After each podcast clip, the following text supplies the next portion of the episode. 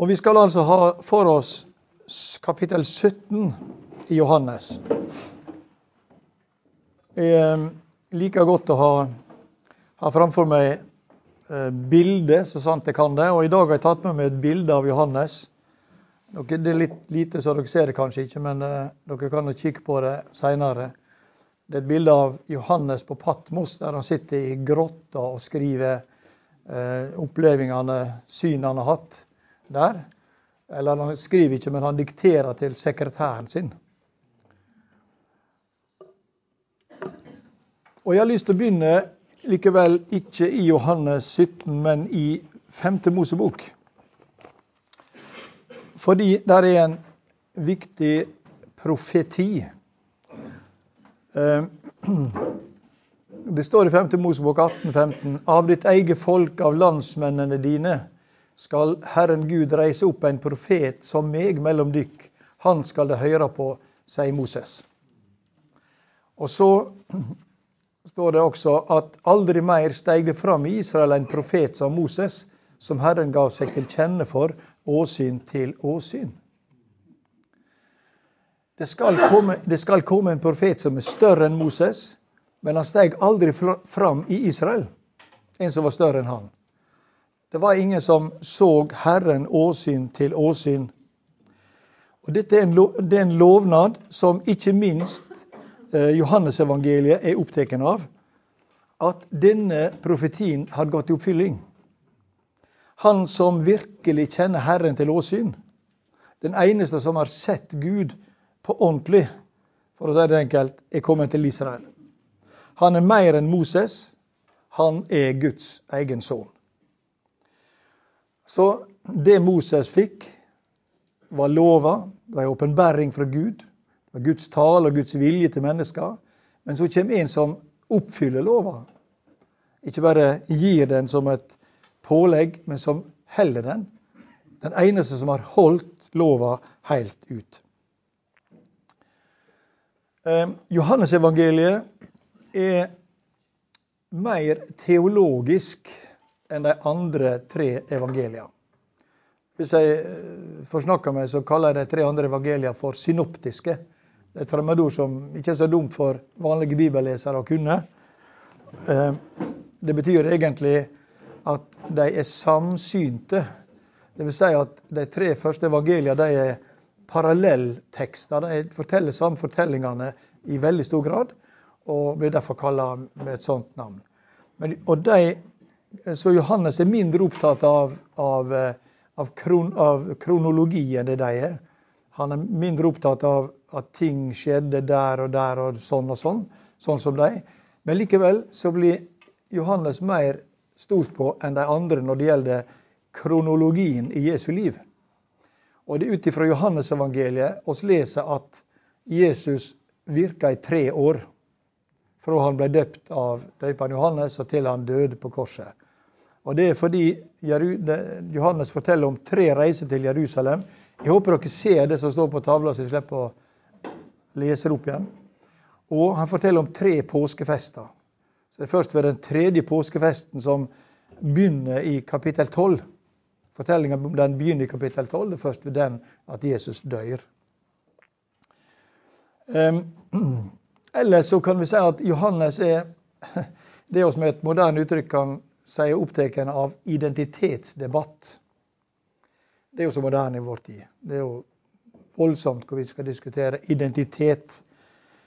Johannes er opptatt av Jesu identitet. Han um, har flere store billedtaler. Han har uh, Jesus-taler der Jesus taler i bilder, ikke i likninger, sånn som synoptiske evangelier gjør. Eh, de forteller masse likninger. Det gjør ikke Johannes, men det er, rike billedtaler med et stort eh, teologisk innhold. Og Derfor er det også at Johannes blir kalt for teologen. Hvis du ser bilder sånn som disse her eh, ikonbilder av Johannes, så står det alltid 'Den hellige Johannes, teologen'. Hovedtemaet som da handler om Jesu identitet, er det som dere delvis var inne på forrige gang. da Jesus snakka om seg sjøl som Ordet. Seinere så snakka han om seg sjøl som livet, som lyset, som brødet fra himmelen, som sanninga med stor S, som hyrdingen, som kjærleiken. Alle disse billedtalene her de er til for å understreke hva er Jesu identitet. Og først og fremst da for å få fram at han er Guds sønn. Um, og dette her kommer da fram også veldig tydelig i Jesu sjølvitnemål. Vitnemål er i det hele tatt viktig i Johannes-evangeliet. Og det, det skal vi merke oss fordi det tyder på at historisiteten, altså det at det som blir fortalt er historisk pålitelig, er viktig for, for forfatterne i, i Nytestamentet. Eh, det er mange som vitner. Og hva er det med et vitne? Et vitne er jo et øyevitne. En som med sitt vitnemål bekrefter at det er sant fordi det har skjedd. Det er knytt til historier, til hendinger, til opplevelser, til, til noe mennesket har erfart, og som det mennesket derfor kan vitne om. Eh, det er jo veldig tydelig dette her i, i slik Johannes begynner første brevet sitt. Det som var fra opphavet, det vi har hørt, det vi har sett med våre øyne våre, det vi så, og det hendene, tok, hendene våre tok på, det ber vi vitnemål om. Johannes, 1. Johannes 1.1. Det er lett å huske. Eh, veldig sterkt eh, uttrykk for at erfaringene, det er erfaringsbasert og historisk pålitelig, det apostlene formidler og evangelistene formidler. Og her i Johannes, når det gjelder Jesu identitet, så er det døyperen Johannes. Han, Johannes døyperen vitner om det. Se, der er Guds lam, sier han, som ber verdsens synd. Skriftene vitner om det. Ja, nå har jeg visst det. Ja, der, kom, der var det. Jeg glemmer det som komplisert å være så teknisk eh, utfordra. Men her er disse vitnemåla. Ja. Døyperen Johannes vitna. Skriftene vitna om meg sier Jesus i 5.39. Evangelisten, Johan apostelen, vitna, skriver han i 1921. Den hellige ande vitna, og disiplene vitna. Alt dette her er eksempel i Johannes-evangeliet på eh, hvordan Johannes bruker dette med vitnemålet som belegg for det han sier. Så har jeg lyst til å si enda en ting om Johannesevangeliet. Johannes-evangeliet. Det har vært diskutert om Johannesevangeliet har vokst fram i et jødisk miljø eller i et gnostisk, hellenistisk. Det er teologer som mener det siste.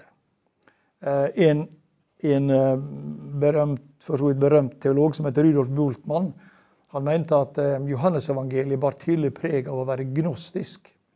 Jeg skal ikke si så mye om gnostisismen i dag, for jeg har så mye å si at jeg må enten snakke veldig fort, eller så må dere være, være her helt til kveldsmaten.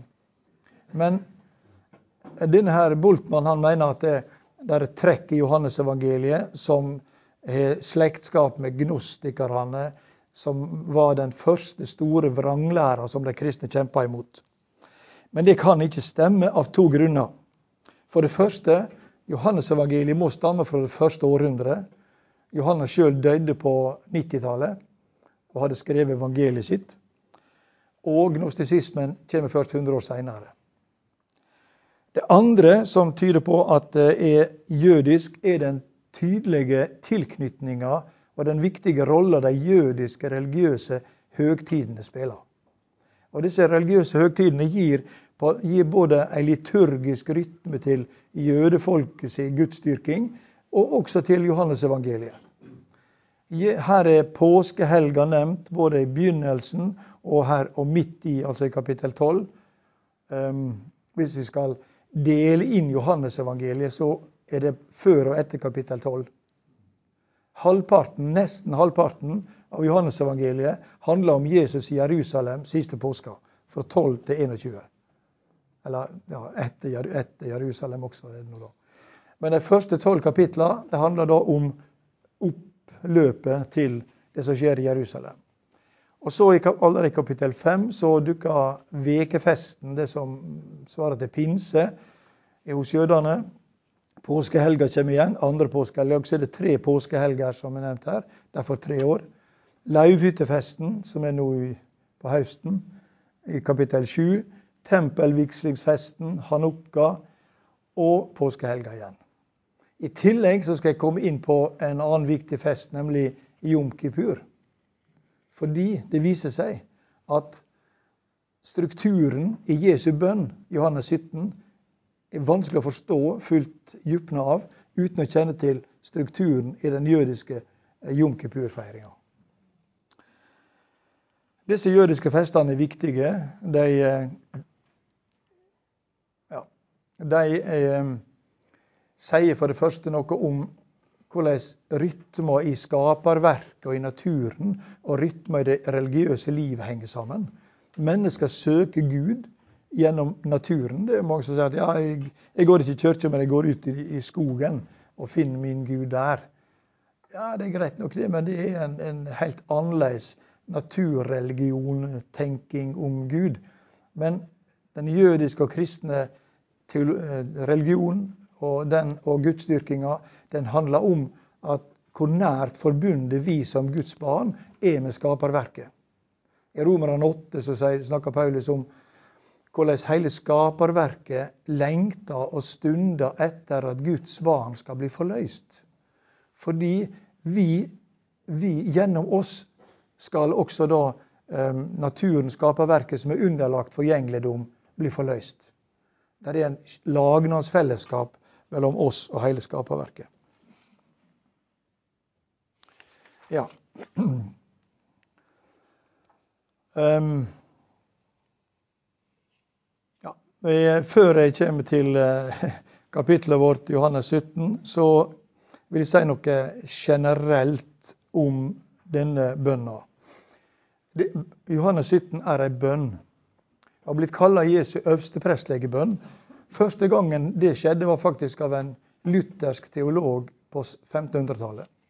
Altså, første som kalte Jesu bønn dette for Jesu øverste prestlegebønn. Men det er veldig adekvat å gjøre det. Eh, og, fordi, og der er så mange eh, sammenhenger mellom dette kapitlet og hebreabrevet. Og når dere leser særlig Johannes 17, så bør dere også lese med et sideblikk til Hebreabrevet. Eh, der blir Jesus omtalt som øversteprest, som i øversteprest, øversteprestlige tjeneste.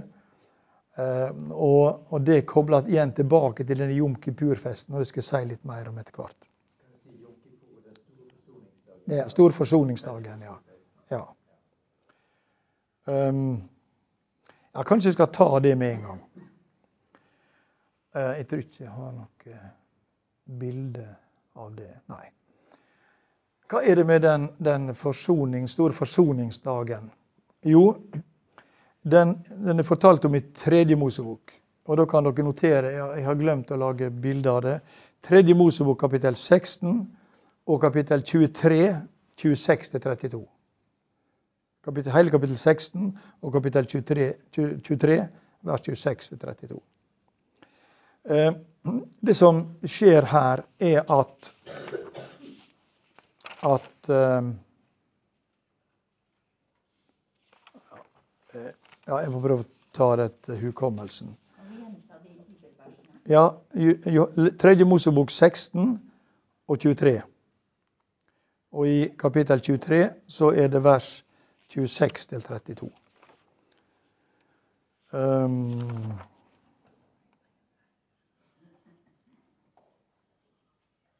ja.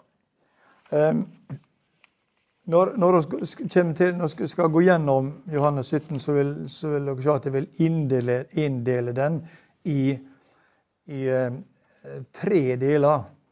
Jesus ber for når Jesus ber for, altså Jesu forbønn i Johannes 17, er for det første for apostlene. For det andre for de som gjennom apostlene kommer til tro. Og, disse, og så for, for alle. Og dette svarer til det øverstepresten skal gjøre på den store forsoningsdagen. Han skal gå inn i det høgheilage med offer. Og han skal da først bære fram offer for sine egne synder. Så skal han bære fram offer for eh, syndene åt, folk, åt, åt, eh, åt sine folk, altså presteskapet. Og så skal han bære fram offer for alle.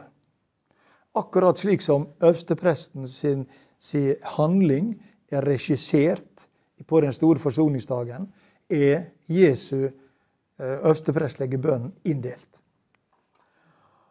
Og der gir da øversteprestene øversteprestlig tjeneste. Han bærer fram offer. Når Jesus um, omtaler seg sjøl i denne bønna, så bruker han også offeruttrykk. Uh, jeg, han, han uh, helger seg for deg.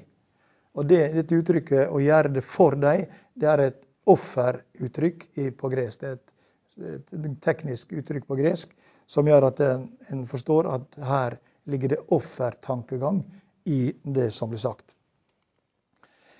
Men la oss um, ta fatt på Johannes kapittel 17.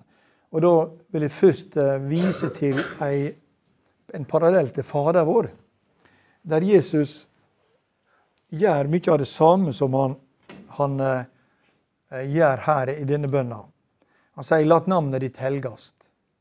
Her i denne bønna sier han herliggjør, handler om å herligere Sønnen og Faderen. At Gud skal bli helga gjennom det Jesus gjør, og at han sjøl skal bli herliggjort eller helga. La viljen din råde. I denne bønna i Johannes 17 er Jesus opptatt av at Faderens vilje er fullført. Han, han ber denne bønna på skjærtorsdag idet han er i ferd med å gå inn i det dramatiske toppunktet i sitt liv. Og så På slutten av Fader vår så ber han fri oss fra det vonde. I denne bønnen så sier han de som du har utvalgt og gitt meg, de skal bli værende i verden, men de skal konfrontere verden. De skal ikke bli assimilert, men de skal konfrontere verden. Og da trengs det at du verner dem fra det vonde. Um, så der har du denne, denne inndelinga som jeg snakka om i forbindelse som parallell til, til, eh, til den forsoningsdagen sitt rituale. Jesus ber for apostlene i en første del. Han ber for apostlene sine etterfølgere, og så oppsummerer han sin tjeneste til slutt. La oss se på denne introduksjonen. Johannes 17, 1-5. Og nå leser jeg på målet hennes mor. Dere får omsette inni hodet eller forbi på boka. Da Jesus hadde sagt dette, så han opp mot himmelen og sa Ja, jeg stoppa der. Han så opp mot himmelen og sa. Da, da, da får jeg altså assosiasjoner til hva er, hvor er Jesus egentlig? Jeg får nesten inntrykk av at han blir bortrykt. Er han på jorda, eller er han ikke på jorda? Han er på en måte Han ser Gud eh, for seg og, og, eh, og ber i en, i en, slags henrykkelse eh, der, der apostlene er i lag med han. Og, og dette er altså da i mellom nattverdmåltidet og korsfestinga og arrestasjonen. Eh, I kapittel 13 begynner nattverdfeiringa med fotvaskinga. Og så er det ikke noe direkte innstifting av nattverden i Johannes evangeliet, slik som det er i de tre andre evangeliene.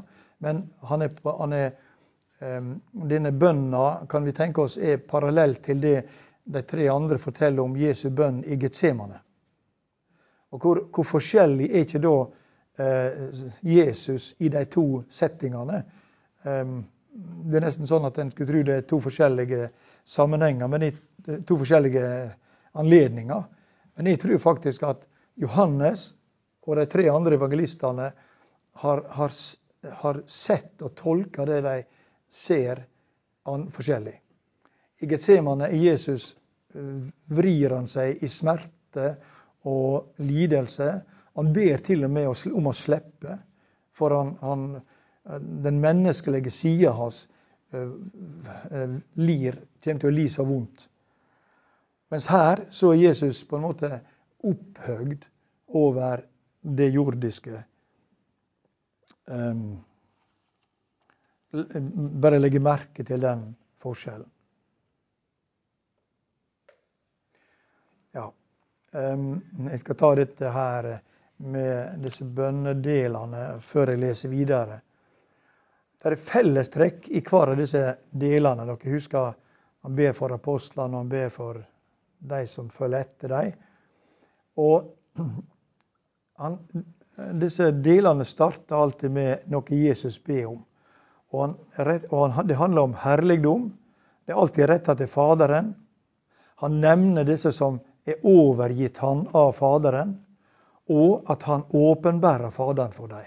Altså, som jeg sa helt i begynnelsen, det bønna handler om, hvis en skal ta det i kortversjon, det er Jesu relasjon til Faderen og Jesu relasjon til sine. Altså de Faderen har gitt ham. At disse to relasjonene må bli rette og gode for at de skal ha evig liv.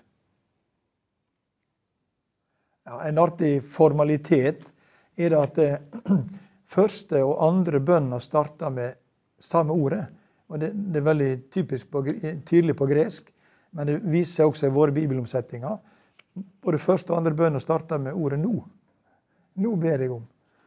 Um, og de to bønnene har lik oppbygging. Og så er det et overgangsvers før disse to bønnedelene med forbønn, altså forbønnen er det snakka om da, begynner. Eh, også i vers 5 eh, begynner med 'og nå'. Ja, La oss da lese vers 1-5. Far, timen er kommet. Herliggjør sønnen din, så sønnen kan herliggjøre deg. Relasjon til Faderen. For du har gjeve han makt over alt som mennesket heter, så han skal la alle de som du har gjeve han, få evig liv. Hensikta at de skal få evig liv. Og det er det evige livet, at de kjenner deg, den eneste sanne Gud, og Han du sender, Jesus Kristus. Jeg herliggjorde deg på jorda da jeg fullførte det verket du ga meg å gjøre. Og nå ber jeg at du, far, må gi meg den herligdom jeg hadde hjå deg før verden var til. Altså, Jesus har allerede fullført det verket, og det sier han før han blir korsfesta.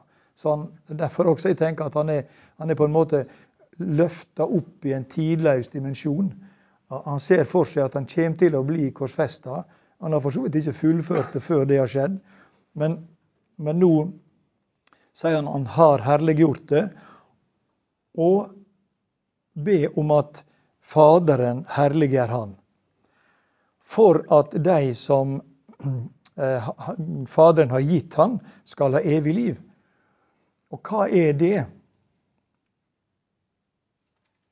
Ja, om gjenforening med Faderen, om evig liv, som er kjennskap til Gud. Det er veldig interessant. Eh, vi tenker, Som iallfall tenker vel at eh, evig liv er noe som begynner når vi er døde og kommer til himmelen, som vi sier. Men evig liv er ikke omtalt sånn i Nytestamentet.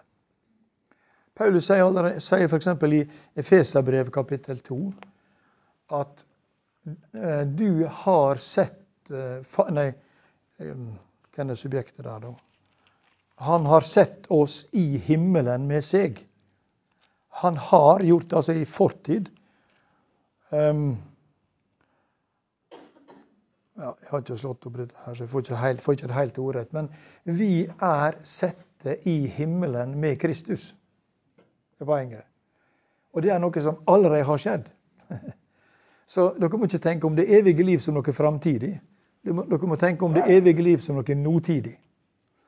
Og, og, her er det også at det, disse, Jesus sier om disse som, som um, disse læresvein, disiplene, de har fått kjennskap til Gud. De har lært det som er å lære. De har lært Gud å kjenne, og, og Jesus som, som, er sendt av Han. Så denne erkjenninga, det å ta til seg den, den san, sanninga som, som, det er snakk om her, eller som Timoteus skriver om i sitt brev, sine brev, den sunne lære, det er altså å ha del i det evige liv. Eh, og evig liv og herligdom er også da noe som blir realisert her på jorda. Jeg bed Far, om, om at du må gi meg, meg den herligdom jeg hadde, hadde før verden var til. Ja, så la oss lese vers 6-8. Jeg har åpenbæra ditt navn for de mennesker du gav meg av verden. De var dine, og du gav meg dem, og de har holdt fast på ordet ditt. Jeg forstår det sånn at her snakker Jesus om apostlene, om de som han eh, var gitt til å eh, føre videre sitt verk. De var dine, og du gav meg dem, og de har holdt fast på ordet ditt. Nå veit de at alt det du har gjeve meg, er fra deg. For de orda du gav meg, har jeg gjeve deg. Og de har tatt imot deg og sanna fullt ut at jeg har gått ut fra deg, og de tror at du har sendt meg. Altså erkjenninga av at Jesus er Guds sønn. Det er veldig viktig. Og det får de gjennom det ordet eh, han gav dem. Og de har lært å holde fast på det, og de veit at alt det du har gitt meg, er fra deg. Altså, det har skjedd ei åpenbæring. Noe som de ikke har suget av eget bryst, men som er blitt gitt dem av Jesus. Og det Jesus har gitt dem, er fra Faderen. Og dette, denne erkjenninga, denne kunnskapen om hvem Gud er, og hvem Jesus er, det er, um, det, er det avgjørende. Det er åpninga for det evige liv for dem. Ja, her har jeg satt opp eh, to eh, bibelhenvisninger. Ett til hebreerne 1 og ett til filipperne 2. De skal jeg si mer om. Men, men i hebreerne 1 så står det om Jesus hvem han er. Han er utstråling av Guds herligdom, som, som Jesus sier her. Han er bildet av Guds vesen. Han er altså, for å si det med et uttrykk som har blitt brukt, han er Guds menneskelige ansikt. Bilete, synlig, noe synlig av hvem Gud er. Han ber alt med sitt mektige ord. Da han fullførte rensinga for syndene våre, setter han seg ved høyre hand att majesteten i det høge. Det er det Jesus ber om her, at du må gi meg del i den herligdommen jeg hadde før jeg kom til jorda. Slik ble han mye større enn englene, for det navnet han har fått i arv, er så mye høyere enn deres. Og i Filipperbrevet, denne hymna i kapittel 2, så sies det at Gud har opphøgt han til det høgste og gitt navn over alle navn. Og dette med navnet, det må vi se mer på. Jeg har åpenbæra ditt navn for de menneska du ga meg fra verda. Um, Gudsnavnet. Jeg har åpenbæra navnet ditt for deg. Gudsnavnet er noe veldig viktig og veldig fascinerende. Eh, dere har begynt så vidt vet jeg, på eh, gjennomgang av dette med Jesu tale eh, som begynner med 'jeg er'. Og når Jesus sier 'jeg er eh, livet', 'jeg er sanninga', 'jeg er ordet', 'jeg er brødet', så bruker han Gudsnavnet. Og det går tilbake til Moses, som da han ble kalla av Gud i 2. Mosebok kapittel 3, sa at jeg kan ikke gå i dette oppdraget uten at jeg veit hvem oppdragsgiveren er, og kan, kan presentere meg som hans oppdragsgiver. Så jeg må vite navnet ditt, Gud. Og da gir Gud han navnet sitt. Og det er det navnet som er, er så heilagt for jødene at de ikke kan uttale det. Det skrives JHWH på hebraisk. Og det har ikke vokaler. Det er bare fire konsonanter som er både vanskelig å uttale, men, men, som heller ikke skulle uttales. For det var så heilagt. Men på gresk er det Kyrios, og vi sier Herre. Og det Gud sa til Moses, det var 'Jeg er den jeg er'. Det er navnet mitt. Vil si 'jeg er den værende', skulle vi egentlig oversatt det på norsk. Det er presens partisipp. Jeg er den som alltid er. Det er Gud. Um, han er før alle tider og i tida og, og i all evig. Og det Jesus gjør, sier han, er å åpenbære dette navnet for de mennesker du har gitt meg av verden. Eh, han, de var dine, og du ga meg dem. Så um, Og det, svarer da til, til det som stå, står i, i Filippabrev kapittel 2. Gud har oppøkt han til det høgste og gitt han har fått dette navnet. Og, står det videre der i Filipperne 2, eh, til slutt skal alle kne bøye seg det, for dette navnet, og alle i himmelen, på jorda og under jorda skal måtte erkjenne denne erkjennelsen som Jesus har åpenbæret for apostlene, nemlig at Jesus Kristus er Herre. Han er Gud. Han er den som med rette ber det navnet som er over alle navn, og som er, er så heilagt som det helga, det herliggjort, det heilagt. Så la oss lese et avsnitt til. Vers 9-16. Jeg ber for deg. Jeg ber ikke for verden, men for deg du har gjeve meg, for dei er dine. Alt mitt er ditt, og ditt er mitt, og jeg er herliggjort gjennom deg. Jeg er ikke lenger i verden, men dei er i verden, og eg går til deg, Hellige Far. Hold deg fast i ditt navn, det navnet du har gjeve meg, så dei kan være ett, liksom vi er eitt. Da eg var hjå dei, heldt eg dei fast i ditt navn, som du har gjeve meg. Eg vakta dei, og ingen av dei gikk fortapt, uten den ene som hødde fortapinga til, så Skrifta skulle oppfyllast. Nå kjem eg til deg, men dette seier eg medan eg er i verda, så dei skal ha mi glede i seg i fullt mål. Eg har gjeve dei ditt ord, men verda hater dei fordi dei ikkje er av verda, liksom eg ikkje er av verda. Eg ber ikke at du skal ta deg ut av verden, men at du skal vare deg fra det vonde. De er ikke av verden, liksom jeg ikke er av verden. Det er så mye her at um, jeg må konsentrere meg om det viktigste. Men de kristne er altså med et moderne uttrykk aliens i denne verden. De er ikke av verden. De, de, hører ikke til her, egentlig. De er, de er forvandla. De er helga. De er gjort til noe himmelsk. De hører inn til i en annen dimensjon enn den verden er.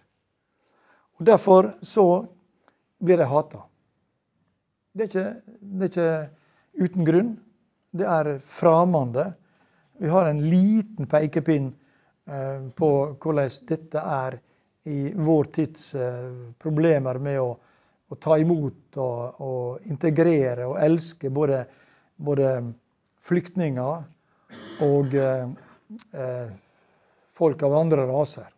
Sant? Rasisme har vært i alle tider og er i vår tid. Fremmede har vært uønska element i alle, alle samme kulturer, også i vår tid. Og Det er ikke uten grunn at Det gamle testamentet stadig vekk formaner om at de skal ta seg av de fremmede. Det, er plikt å, eh, å, å uh, vise omsorg og integrere og inkludere og sørge for de som er fremmede i folket. Um, aliens. Og derfor blir de hata. Og Jesus ber for dem, altså dette er for apostlene i første omgang, fordi han veit hva de kommer til å bli utsatt for. Og han fikk jo rett. De ble martyrer. Alle utenom Johannes. Alle døde som martyrer. Johannes døde sannsynligvis i sin egen seng. Um, så de fikk smake um, den, De fikk drikke den skåla Jesus måtte drikke, som vi hadde om i en evangelietekst for litt siden. Og De ble da sendt ut i verden for å konfrontere verden og den demonen som råder i verden. Og dere, jeg hørte det at dere har hatt opplæring om verda og verda. Det er ikke, verda er ikke det samme som verda alltid. Gud skapte verda. Og samtidig så er verda underlagt det vonde og er styrt av en demon som gjør at vi, må, at vi er blitt aliens, og vi må konfrontere henne. Og hvis ikke vi gjør det, så vil ikke verda, skaperverket, heller kunne bli forløst. For den forgjengeligdommen, den, det den er underlagt.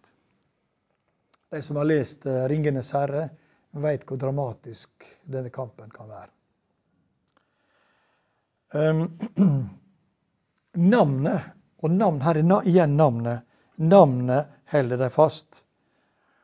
Um, hold deg, vers 11.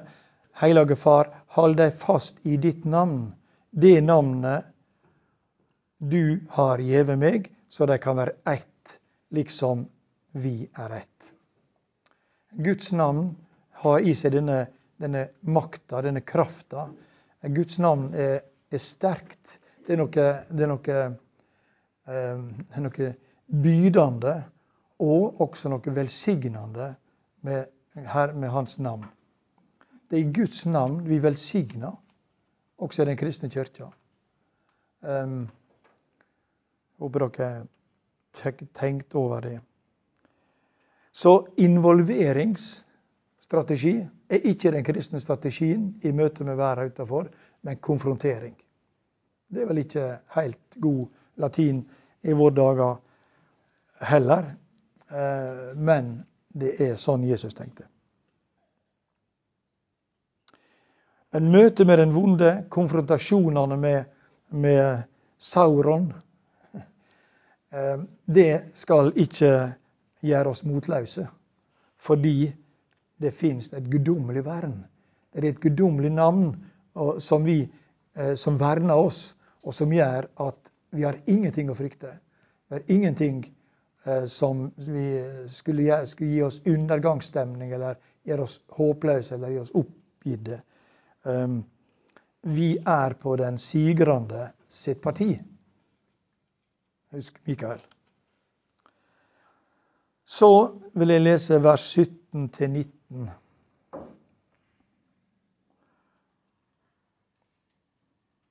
Helga deg i sanninga. Ordet ditt er sanning. Som du har sendt meg til verda, har jeg sendt deg til verda. Jeg vigslar meg for deg, så deg òg skal være vigsla ved sanninga. Altså, mennesket, Guds menneske, må være hellige, for Gud er det. Jeg tenkte å ha et lite ekskurs om helligdom, så jeg sier ikke alt om det nå for ikke å miste sammenhengen. Eh, men mennesket skal være hellige. Det må være helga, for det er Gud. Og den som skal være på Guds parti, den som skal være i Guds fellesskap, må være heilag, som Gud er det. Derfor snakker jeg også om helgena, eh, som jeg gjorde i stad. De hellige. Og så ser vi hvordan Jesus tenker her. Han tenker at det er en bevegelse som starter i himmelen. Han, Jesus blir sendt av Faderen til jorda. Jesus får overgitt disse som Faderen har sagt, unner han. Og, og så, når de er opplært, så sender han dem. Og Hvis vi skulle fortsette historien videre etter Det nye testamentet, så fortsetter denne bevegelsen utover. At apostlene oppretta kirkelyder, de fleste ved Paulus, og de innsatte eh, aposteletterfølgere der. De ble kalt tilsynsmenn, eh, biskoper, og de igjen sender de Når ikke de når overalt, så sender de um, utsendinger videre utover i verden. Um, så, så, det går altså en, en bevegelse der det er en apostolisk suksesjon. Et ord som dere kanskje forbinder bare med katolsk teologi, men, men det er faktisk bibelsk tankegang. At det, apostlene sin oppgave er å sende å bli sendt utover og sende folk videre utover. Og denne sendinga foregår til nye generasjoner, til nye deler av verden, til nye tider. Og da, da, da, da er det Jesu misjon som foregår på den måten. Jesus sjøl ble helga av Faderen, sier han i kapittel 10, vers 36. Jeg syns det er verdt å høre det. Hvorfor sier det da til han, han som Gud har helga og sendt til verda, du spotter Gud? Eh, det er de skriftlærde Jesus er i, i krangel med de skriftlærde jødene og omtaler seg sjøl som Han som Gud har helga og sendt til verda. Så dette er konsistent eh, identitetstankegang hos Jesus. Og dette er veldig, veldig flotte eh, uttrykk. Helge. Vi, på norsk kan vi ofte si vigsle. Eller på engelsk er det et veldig flott ord consecration. Dere kan, vet kanskje at på engelsk snakker om det hellige som the sacred. Og, og, um, um, og um, sakral. Vi sier, kan jo si sakral, det samme ordet. Og det som blir konsekrert, consecrated, blir på en måte medhelga. Det blir med, inkludert i det hellige. Så Jesu sjølkonsekrasjon svarer til vigslinga av profetene og prestene i Det gamle testamentet. De ble tatt ut og satt til ei spesiell tjeneste som de ble vigsla til. Profeten måtte vigsles fordi han var i ei heilag tjeneste. Han skulle formidle og bære Guds ord. Og ved at han var vigsla til dette her, så måtte han være trufast. For det var ikke en jobb han hadde fra ni til fire, men det var en identitet han bar. Og han var det alltid. Um, noen har spurt meg uh, om jeg går med, med prestsnipp alltid. Ja da, det gjør jeg. jeg. Når jeg er våken og når jeg sover, så bruker jeg det. Burde bruke det. Hvis, det var, hvis poenget var å, å ta vare på det som den signaliserer, Nemlig at jeg er ikke prest fra ni til fire, men det er en identitet. Og det betyr at du skal være trufast til døden. Det er ikke oppsigelse, og det er ikke tilsatt på åremål. Men det er noe du er. Som Jesus var det, og som Jesus sier at apostlene er det. Jesus bruker da eh, denne offerterminologien her, det greske ordet hyper. hyper. Altså, det er ikke det samme som vi bruker om hyper, men hyper. Han ofrer seg for deg. Jeg, jeg, vigsler meg for deg. Det betyr at han, at han eh, opptrer som øverstepresten som bærer fram et offer. Og, hans, og Jesu offer er han sjøl. Han er offerdyret. Um, han er den som sjøl blir ofra. Dette er det jo det som er så eh, sterkt og så tydelig i i Hebreabrevet.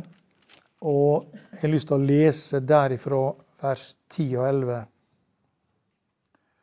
Gud, som er grunnen og opphavet til alle ting, ville føre mange barn til herligdom. Det er Guds mål. Da måtte han la hovdingen som fører deg til frelsa, nå fullendinga gjennom lidinger. Altså hovdingen som fører deg til frelsa, i Jesus.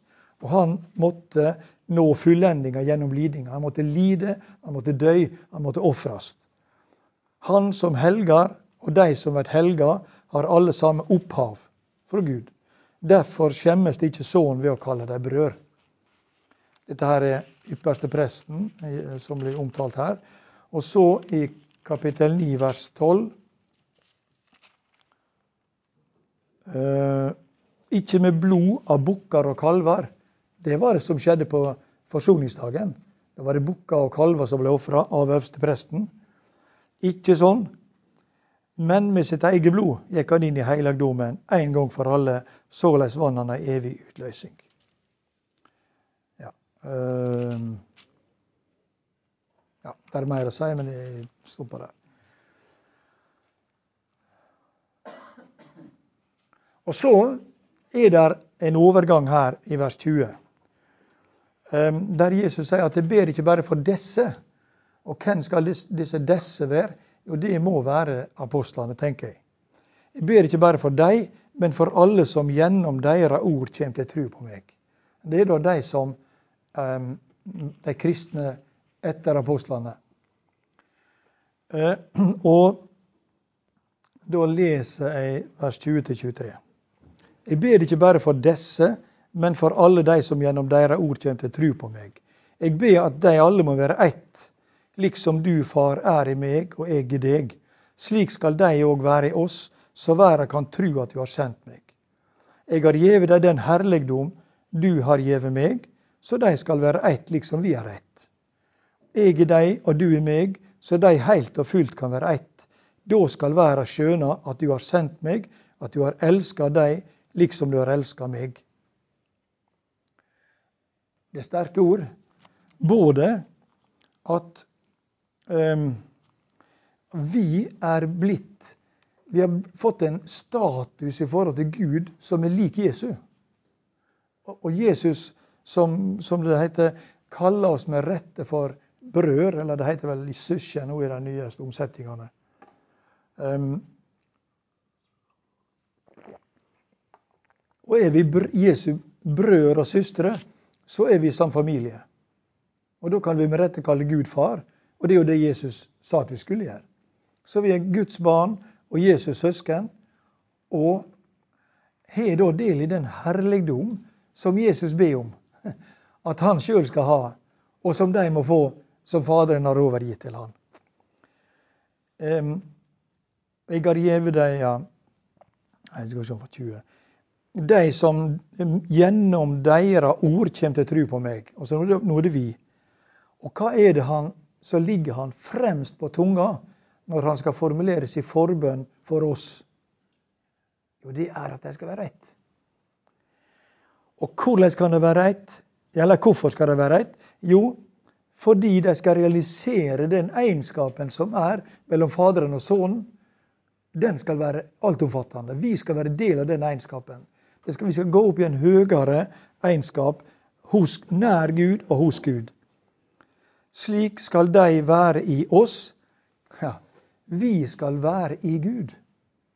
Vi skal være i Faderen og i Sønnen, så verden kan tro at du har sendt meg. Det skal være et misjons... Eh, misjonsmåten, misjonsstrategi, i forhold til den vantruende verden. Jeg har gjeve deg den herligdommen du har gjeve meg, så de skal være rett, liksom er rett. Herligdommen, eller helginga, heilagdommen, er altså en forutsetning. Det at heilagdommen blir bevart, er nødvendig for at egenskapen skal være der. Og hva ligger helligdommen eller herligdommen i? Den ligger i ivaretaking av sanninga. Det ligger i å erkjenne sanninga. Erkjenne at Faderen er heilag, at, at Jesus er Guds sønn, at han er i Gud, og at Hans ord er heilagt og sant. De kjenner at de, disse her kjenner igjen His Masters voice. De har, de har lært Jesus å kjenne, og det det klinger da dette her ordet fra kapittelet kapitlet om hyrdingen, Johannes 10. Um, ja, hvordan var det nå, da? Uh, vers uh, 3. Han, han, kaller sauene sine på navn og, de, og leier dem ut. Og når han har fått ut alle sine, går han føre dem, og sauene følger han, for de kjenner målet hans. Vi, han kjenner oss igjen, og han kan navnet vårt. Han kaller oss ved navn. Det er så fantastisk. Dette På engelsk så sier de når et menneske blir døpt, at de får et Christian name.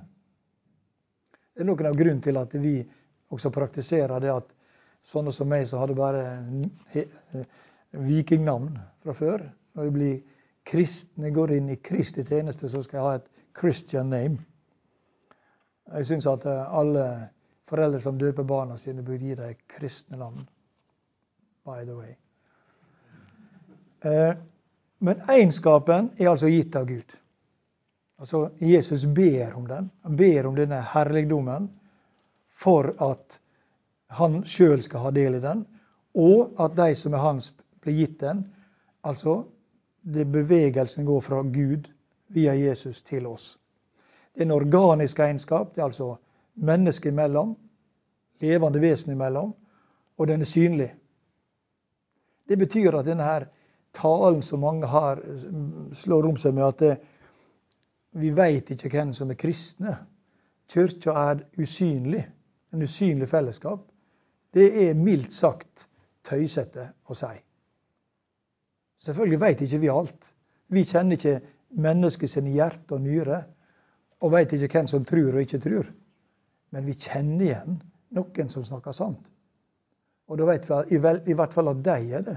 Og de som er med oss i fellesskapen og tilber Gud med de rette og sanne ord, de kan du være helt sikker på de er blant de hellige. Så Guds kirke på jorda er i høyeste grad synlig og konkret, og viser seg da i ikke bare i unity, ikke bare i union, men i community, i kommunion.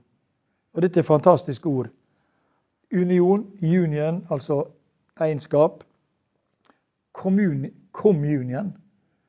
Eh, på engelsk er jo det fellesskap.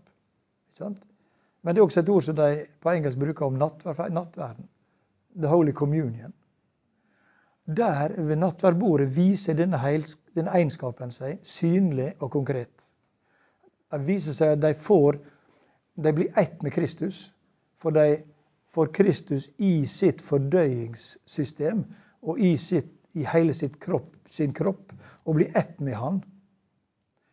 Jeg husker eh, når jeg var prest i Oslo, så begynte vi å skulle undervise om nattverden eh, for barn.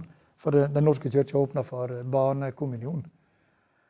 Og Da hadde jeg en sånn undervisningstime, og så var det en seksåring som etter at jeg hadde snakka en stund, sa For jeg snakka om at du får Jesus inn i munnen din og ned i magen din og ut. Og derfra så går næringsstoffene ut i blodet ditt og, og strømmer med blodet gjennom hele deg. Og så sa han Aha, nå forstår jeg hva det betyr å ha Jesus i hjertet. Og det var helt rett. God teologi. Eh, så fra union til kommunion. Og det samme ord for kommune. Hva er Bergen kommune? Jo, det er de som hører med til det fellesskapet som kaller seg Bergen. Eller for å ikke snakke om ordet kompis. Eh, det er akkurat det samme. Vi som er så nært forknyttet til hverandre, vi er kompiser. Um, hva er det de sier i eh, Nå kommer ikke på det militære uttrykket for det samme. Kompani. Et, I militæret så er det et kompani. Det er inndelt i mange kompani. Hva er kompaniet? Jo, det er de som har del i det samme brød. Det er de som har rasjoner som de skal dele med hverandre når de er ute i felten. Og hva er vårt kompani? Vårt Jesus-kompani, jo det er de som har del i det samme brød, og som deler det ved nattverdbordet, og som dermed blir ett med hverandre og ett med Han som dette er brødet til. Ja, her kunne vi også Hvor, hvor ligger han tidsmessig? Er langt over? Nei vel. Ja, jeg må jeg får gå litt videre, da. Jeg skulle sagt mer om dette. Men La oss lese de eh, siste versene. 24, 24-26. Eh, Far, jeg vil at de du har gjeve meg, skal være hjå meg der jeg er. Hva er det? Um, så de får skåa min herligdom, som du har gjeve meg av de du elska meg før været var grunnlagt rettferdige Far.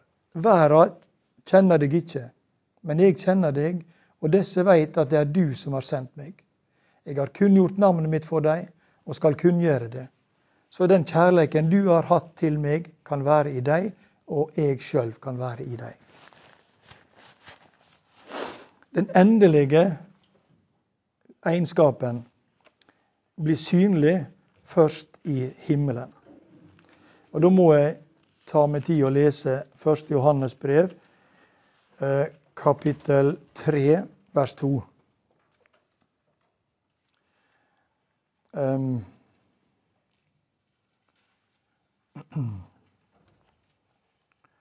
vi, ja, det er vers 1. Vi skal kalles Guds barn, og det er vi. Derfor kjenner ikke verden oss, fordi hun ikke kjenner Han. Det kjære, nå er vi Guds barn, og det er ennå ikke åpenbæra hva vi skal verte. Men vi veit at når Han åpenbærer seg, skal vi verte Han like, for vi skal sjå Han som Han er. Denne egenskapen, fellesskapen, skal bli åpenbæra i himmelen når, for vi skal være som Han, og vi skal være der Han er. Det skal gå i oppfylling, det som Jesus ber om her. At jeg vil at de skal være der jeg meg, der jeg er. Og det skal skje, sier han i første brevet sitt, fordi da, der skal vi se han som den han er. Og Da kunne vi dra paralleller det, fra dette til dette med den sunne læra, men det får dere snakke mer om i, eh, i Timotius. Timotius. Egenskapen blir åpenbæra fullt ut først i himmelen. Men det er interessant at det, det går ei linje her ifra Sinai og Moses. Nå vil jeg trekke denne opp igjen. Moses var på fjellet med Gud, og Guds herligdom var der. Den var utilgjengelig for de andre, men åpna for Moses. Det var en herligdom fjell, på fjellet. Denne herligdommen tok, fikk israelsfolket med seg og tok med seg inn i tabernaklet, i møteteltet i øydemarka. Og de bar den med seg, denne helligdommen, inn i tempelet når det ble bygd i Jerusalem. Det var en, en eh, helligdom som begynte på fjellet, viste seg der først, som kom midt imellom folket i tabernaklet, men som de ikke måtte, måtte nærme seg uten de var innvigde til det. Og hvordan var de innvigde? Um, jo, de aronittiske prestene ble nå, Dette her står i 2. Mosebok 29, 1-9. Det er veldig, veldig interessant for en parallell her. Aronittiske prestene ble helga ved at de ble ikledd hellige klær og salva. Eh, I forsoningsritualet på eh, denne jom kippur-dagen så, så ble det, var det tale om et bad til rensing. Og når Jesu læresvein, Jesu disipler, blir helga, så blir de helga i sanninga. Og denne sanninga er både rensingsbadet og den hellige klednaden og salven. Altså, Gud helga de i den gamle pakt som måtte helges til å være formidlere av herligdommen. Og i den nye pakt gjør han det tilsvarende. Um, Helge og, vi, og Nei, nå Hvor er jeg nå?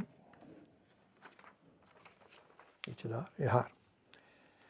Um, Jesus lover samme herligdom til deg som Faderen har gitt ham. Ok, der kan jeg enten ta en pause, eller så kan jeg ta to litt korte ekskurs om helligdom og egenskap. Er det greit? Tåler dere det? Ja. Å oh, ja. Oh, ja, flott. Ja, da, da går det. Da går det. Ja, det er det. Det er det. Eh, for jeg synes det er to av de, de temaene som er sentrale i, her i, i dette kapitlet. Og da det, det, går igjen igjen og igjen, dette med at Gud er heilag. Eh, ta f.eks. Eh, profeten Jesaja sin visjon i tempelet. Han hørte serafene synge 'Heilag, heilag, heilag er Herren Sebaot'. Men en annen, og en annen interessant bakgrunnstekst her Skal vi se, jeg er ikke sikker på om jeg har Jo, jeg har litt, jeg har litt om dette her. Jesaja 6,3 er denne seraf-ropet eh, i tempelet. Heilag, heilag, heilag er Herren Sebaot. Og så vil jeg at dere skal høre andre Mosebok 15, for det har litt med Mikael å gjøre. 15, 11. Hvem er som du mellom gudene, Herre? Dette er Moses' sang. er en veldig viktig kapittel etter andre Mosebok 15. Det er Moses som synger den på andre sida av sjøen, at jødene er redda gjennom havet. Og denne sangen skal gjentakes i himmelen. I Johannes' åpenbaring står det om at, at de synger Moses' sang med lammet. Og her er midt i denne sangen, vers 11, så står det Hvem er som du mellom gudene, Herre? Hvem er som du, så herlig og heilag, skremmelige storverk, underfull gjerning? Hvem er som du? Det er på hebraisk selve uttrykket for Guds herligdom. Og På hebraisk er dette, denne setninga 'Hvem er som du, eller hvem er som Gud, det er Mikael. Mikael, hvem er som Gud? Det er det Mikael representerer, det er det Mikael sier. Og det er um, det vernet, eller den erkjenninga av at Gud er Gud. Gud er Gud om alle mann var døde og alle land lå øde. Um, så, så, han som skal føre uh, striden for med englene, med Guds engler her, mot demonen i siste runde, det er han som sier 'Hvem er som Gud'? Motstanderen sier ikke det. Djevelen sier ikke 'Hvem er som Gud', for han vil være Gud sjøl. Gud er opphøyd og skilt ut. Og Hvis vi skal definere med en, sånn, med en definisjon som kan stå i, i leksikon av helligdom, så er det faktisk veldig vanskelig. For det er ikke paralleller i menneskers erfaringsverden. Og det er ikke paralleller i ordet, i ordlista eller i språket vårt eh, som kan, kan definere helligdom. Så den eneste måten å definere helligdom på, er å si at det er det som er som Gud. Alle bilder, alle forestillinger, alle tanker om helligdom og alt språk om helligdom, det må sende fra Gud for bildet av Gud. Det er Han som er, og som gir, og som kan si hva helligdom er. Han er høyt opphøgd og, ut, og skild ut. 1. Eh, Timotius 6,16.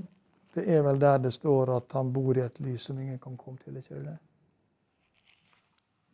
Eh, og 2. Mosebok 33, det er der Moses ba om å få se Gud, og fikk se han bakfra bare. være. denne helligdommen er både frelsende og dømmende. Og jeg, skal, jeg, tror ikke jeg skal ta meg tid til å lese alle disse eh, skriftordene der. Fire, fem.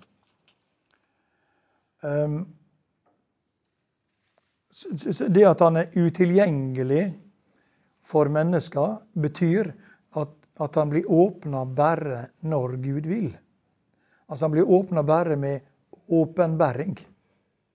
Det er akkurat som at Gud sjøl velger når han vil dra, dra gardina til sides, slik at folk ser eh, det usynlige. Eh, det gjorde han når Jesus ble menneske. Da ble den usynlige Gud synlig, og mennesker kunne se Guds menneskelige ansikt. Det var en åpenbæring. Eh, han drog til sides et slør og viste sitt ansikt. Og sånn er det med, med alt, alt, som er med helligdom. Det kan komme til oss bare som gave fra Gud, bare som formidla fra Gud. Og Det inneholder både den frelsende sida og den dømmende. Jeg lurer på om vi skal ta oss tid til å lese fra 1. Samuel 2 litt. Um, mitt hjerte fryder seg i Herren. Dette er Hanna sin lovsang. En gammeltestamentlig parallell til Marias lovsang. Herren gir meg stor kraft, nå kan jeg le åt mine fiender, for jeg gleder meg over de frelse. Ingen er heilag som Herren, ingen er til uten du. Det fins ikke fjell som vår Gud. Vers 2. Og så vers 6. Um, Herren tek liv og gjev liv. Han sender mennesket dødsriket, og han kan føre det opp derifra. Han gjør fattig, og han gjør rik. Han fornedrer, han opphøyer. Sånn er Gud. Og dette der går igjen også i Marias lovsang. Eh, hvordan Gud både fornedrer og opphøyer. Det er noe som mennesker må lære, at sånn er det. Det går ikke an å bruke menneskelig rasjonalitet og fornuftige spekulasjoner på å forstå alt det Gud gjør. Men det må, det må bli opplært i Guds logikk og i Guds forstand og Guds tankegang eh, for å skjønne at, at for det første det foregår en kamp på liv og død mellom Gud og motstanderen. Og i denne kampen så let ikke alt seg redde.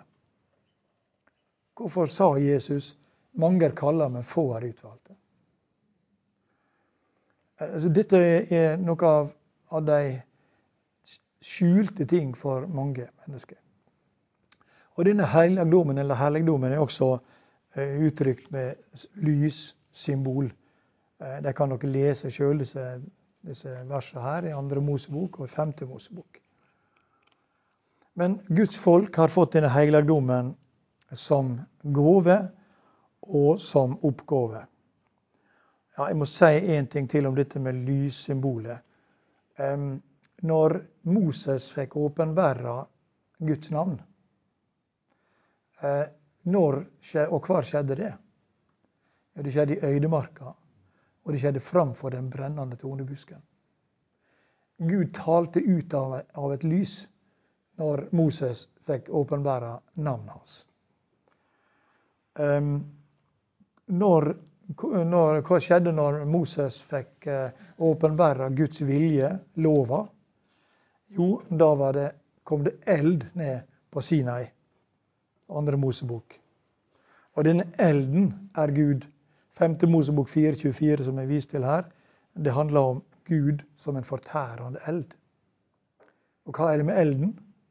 Jo, det er akkurat som med vannet. Den er både god og ond. Den både opplyser og den brenner opp. Vannet, det frelser, for det blir født ut av vann. Alle mennesker blir født av mora si ut av vannet. Guds folk blir født ut av dåpsvannet. Israelsfolket ble født ut av, av Raudehavet sitt vann. Og samtidig vannet kan drukne mennesker. Og Derfor heter det også i åpenbæringsboka at havet er ikke mer det er vanskelig nok å godta for de som er glad i sjøen og fiske. Men jeg tror en skal tenke seg om to ganger før en drar den konklusjonen. I Nytestamentet, da, så. Ja. I Nytestamentet er det sammeleis at helligdommen starter med Gud. Når Jesus lærer oss å be, så sier han 'Hellige Gud'. Eller han sier 'La ditt navnet ditt være heilagt'. Um, og i himmelen så synger de. Så kan vi gå til Johannes' åpenbaring. Det burde vi jo gjøre til slutt en gang. Så synger de 'Heilag, heilag, heilag er Herren Sebaot'. Sangen for lammets trune i himmelen er en sang om Guds heilagdom. Så linja går, går hele veien ut. Jesus er den hellige. Han er Guds sønn. Um, allerede i, i helt i begynnelsen, i første kapittel i Lukasevangeliet 1.35. Lukas 1.35 kan dere um, møte mellom Maria, engelen Gabriel og Maria. Så sier, sier engelen Gabriel Den hellige ande skal komme over deg, og krafta til den høgste skal skygge over deg. Derfor skal barnet som blir født, være heilagt og kalles Guds ånd. Så Jesu introduksjon på jorda begynner med at han blir erklært som heilag og som Guds ånd. Og Jesu, Jesu liv så blir denne heilagdommen merkelig nok og litt antirasjonelt manifestert. Den blir vist fram når Jesus gjør kraftgjerninger. Og Det er jo lett for folk å skjønne og akseptere. Men heilagdommen blir vist fram også i hans fornedring. Og det, det, er, det er verre å forstå. Um, når Dere kan lese dette her i Johannes 18. Det er Jesus som blir tatt til fange. Og, og uh, han, han, blir for, hans fornedringa til, til lidelsen og døden starta for fullt. Um, men sameleis Jesus, altså Det begynner med Jesus, og han blir erklært for, som den hellige. Men så går det videre. Det blir overført på oss. Vi er helgener. Og det må, det må dere holde fast på. For det sier apostlene igjen og igjen. Ta første verset i nei, de første versene i første kapittelet i det første brevet, nemlig Romerbrevet 1.7. Der står det Eg helser dykk alle som er elska av Gud, det heilage som er kalla av Han. Og Sånn går det igjen i alle breva utover at når apostelen adresserer brevmottakerne, så kaller han dem for de hellige. Og, og disse heilage, eh, denne, denne forståelsen av Guds folk som heilagt, det, det går jo igjen da i den kristne kirka, i bønnene våre, i liturgiene våre. Jeg vet ikke om dere, om dere kan utenat er nattvei, Jeg vet ikke hvor mye nattverdliturgi dere har i Kristkirken, men både i norske kirka og i vår kirke så har vi denne nattverdbønna som sier at din kirkelyd i himmelen og på jorda eh, priser navnet ditt med samrøysta lovsang. Med deg vil også vi eh, løfte våre røyster og Hvor er det? Og blande våre røyster og tilbedende synger Heilag, heilag, heilag. Altså, Guds kirkelyd i himmelen holder gudstjeneste samtidig med at vi er det her. Så når vi holder gudstjeneste på en søndag, så gjør ikke vi noe annet enn vi går online med den himmelske gudstjenesten den foregår hele tida. Der er, der er et bønnenettverk som, som, ikke tar på pause. For når vi går hjem igjen etter gudstjenesten vår, så er vi i pausemodus helt til neste søndag. Og da kobler vi oss på igjen. Og da, og da er det samrøysta lovsang og tilbeding her og der. Og, og, dette her er jo da, og det er de hellige. Så vi er, vi er del av fellesskapet med de hellige. Og Dette står også i trosbekjenninga vår. Hva tror dere på? Jo, dere burde tro på oppstå av lekamen. Nei, ja, hvor er det nå? Samfunnet av det hellige, oppstå av lekamen og evig liv. Ja, og det evige liv er poenget med for Jesus i Johannes 17. Oppstå av lekamen, det håper vi å tro på. Men vi tror også på at vi er del av de hellige sin fellesskap. Og dette er altså det vi trenger, trenger å vite om helligdom. Så et siste um, avsnitt om egenskap, at de alle må være ett. Og Det kobler jo til dette som jeg nå har sagt. Samfunnet av de hellige, de kirke i himmelen og på jorda. Denne kirka, hvis vi går til den nikenske trosforkjenninga, så heter det der vi tror på ei heilag, katolsk og apostolisk kirke. Det var vel et ord som skurra, kanskje, fordi dere sier sikkert ikke katolsk. Men det er fordi dere ikke er, er ordet nær. Og ordet er katolos på gresk og catholic på engelsk. Er dere på lutherske eller andre protestantiske gudstjenester i utlandet som snakker engelsk, så sier de A Holy Catholic and Apostolic Church. I Norge har vi dessverre, av folkepedagogisk, dessverre over omsett katolsk til allmenn. Det er dårlig omsetning. Det er ikke-dekkende omsetning. Og den er ikke feil, men den er ikke fullstendig. Eh, hvis da folk, eh, kristne protestanter, hadde, eh, ikke hadde hatt sånn allergi mot ordet katolsk, så hadde de kunnet fått inn masse god kristen kunnskap gjennom det ordet. For det består av to ord på gresk. katt og holos. Katt betyr samsvar med. Holos betyr heilskap. Det er altså noe holistisk, om vi skulle bruke sånn nyreligiøse uttrykk om det. Det er det som er i samsvar med heilskapen. Og hvis det ikke er i samsvar med heilskapen, hva er det da? Ja, da er det sekterisk. Og sekteri er farlige greier, for det er vranglære som fører ut på, på viddene. Men det som er i samsvar med heilskapen, og hva er det for en heilskap? Jo, det er heilskapen av det Gud har åpenbæra, og som blir trudd av mennesket til alle tider, på alle steder. Så det er noe som de som ikke bruker det ordet, går glipp av. Verst for dem.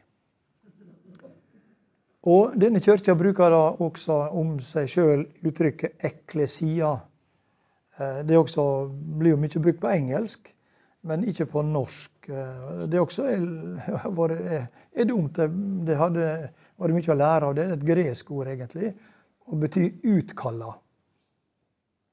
Hva vil det vil si? Jo, det, det samsvarer med dette som vi snakka om i Johannes 17, at det, de er kalla ut. De er, de er sirkla inn og henta ut av den sammenhengen der de var, som er verden, og gjort til noe nytt. De er, de er, er forvandla til en kvalitet som de ikke hadde før. Og denne ut, um, avsondringa, utvelginga og utflyttinga som gjør dem til aliens i verden, den er sjølve et kjennemerke på at de er kirka. Og Jesus sier da i, i dette her verset, Johannes 11, 52, veldig et nyttig ord, 11.52 Ja, han skulle ikke bare dø for folket men han skulle òg samla til ett de Guds barn som er spreidde ikring. Jesu misjon var å samle til ett de Guds barn som er spreidde ikring. Og det tenker jeg at Hvordan er de kristne Guds barn spredde? Jo, vi tilhører for, det første mange tidsaldre.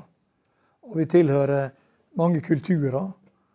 Men vi tilhører også mange kirkesamfunn, som det heter og som er spredde, dvs. Si splitta, skilde fra hverandre, og som ikke har del i denne egenskapen som Jesus ber oss om at vi skal ha. Um, denne denne her utkallinga, eklesia, er ei interessant historie. Og der tallet 12 og tallet 70 er veldig avgjørende. Det begynte allerede med, i Det gamle testamentet med, med når Gud utvalgte Israels folk til å være hans folk. Ikke fordi de var prektige eller majestetiske, men fordi Gud bestemte det. Gud bestemte seg for å velge dem. Da hadde ikke fortjent det. Det var ikke interessant å spørre etter heller, men Gud valgte dem. Og de ble da til tolv stammer. Etter at Jakobs sønner eh, ble liksom stamfedrene for dette folket som fikk det landet Gud ga dem, så ble de tolv stammer. Når Jesus lager en ny start på denne utvelginga, så velger han ut tolv menn. Som han gjør til, til eh, stamfedre i det nye folket. Og i den gamle pakta så var hos Israel, israelittene så var tallet 70 Det var eh, symbolet for heidningfolka.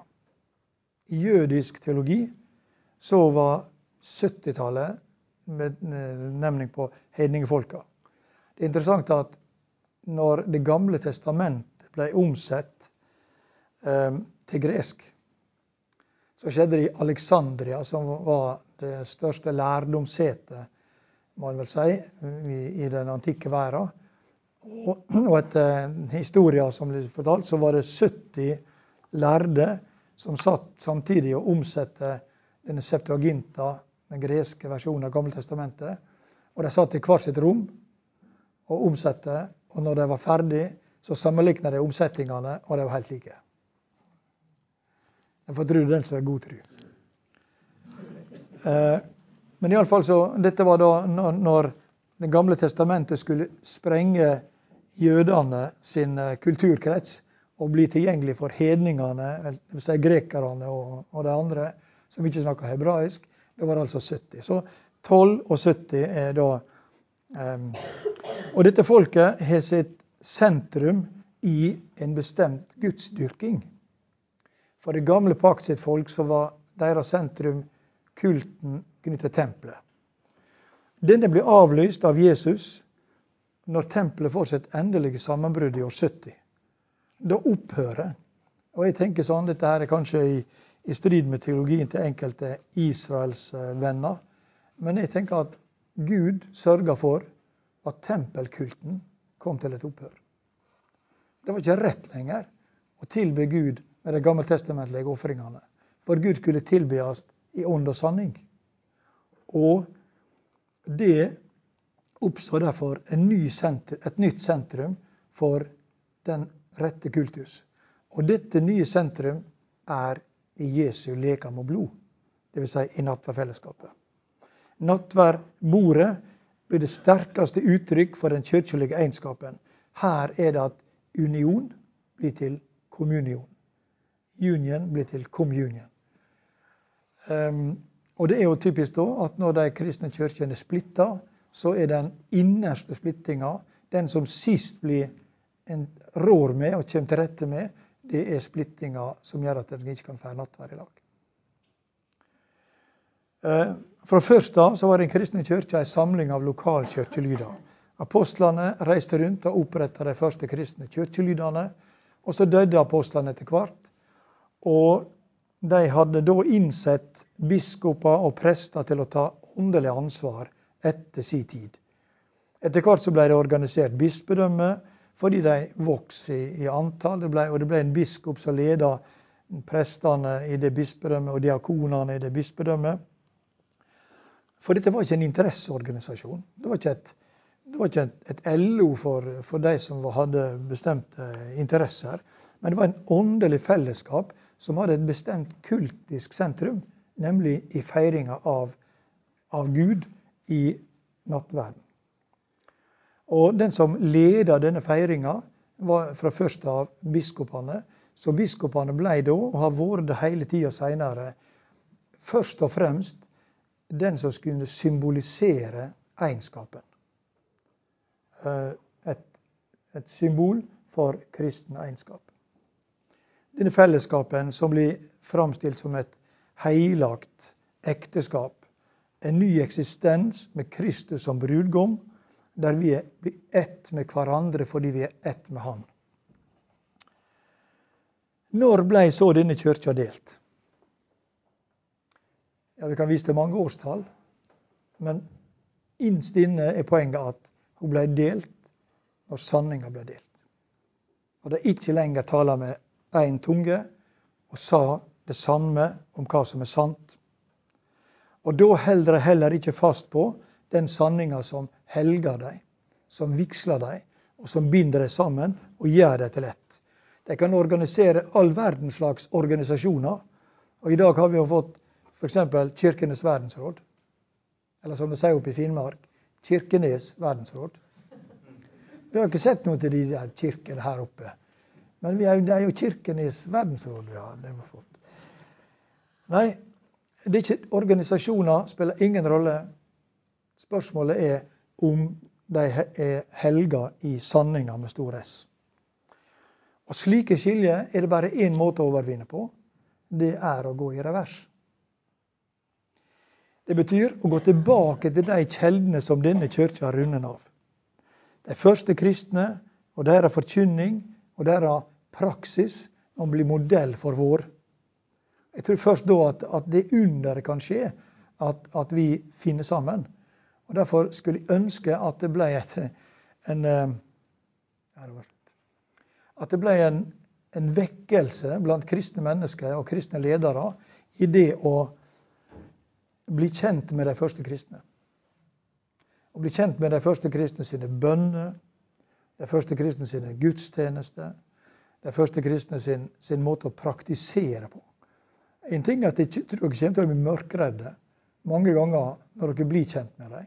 For de var fryktelig radikale.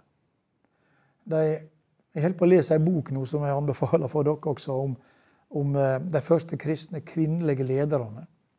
Dagfinn Sterk har skrevet en bok om, om eh, kvinnelige forbilder eller noe sånt. Og F.eks.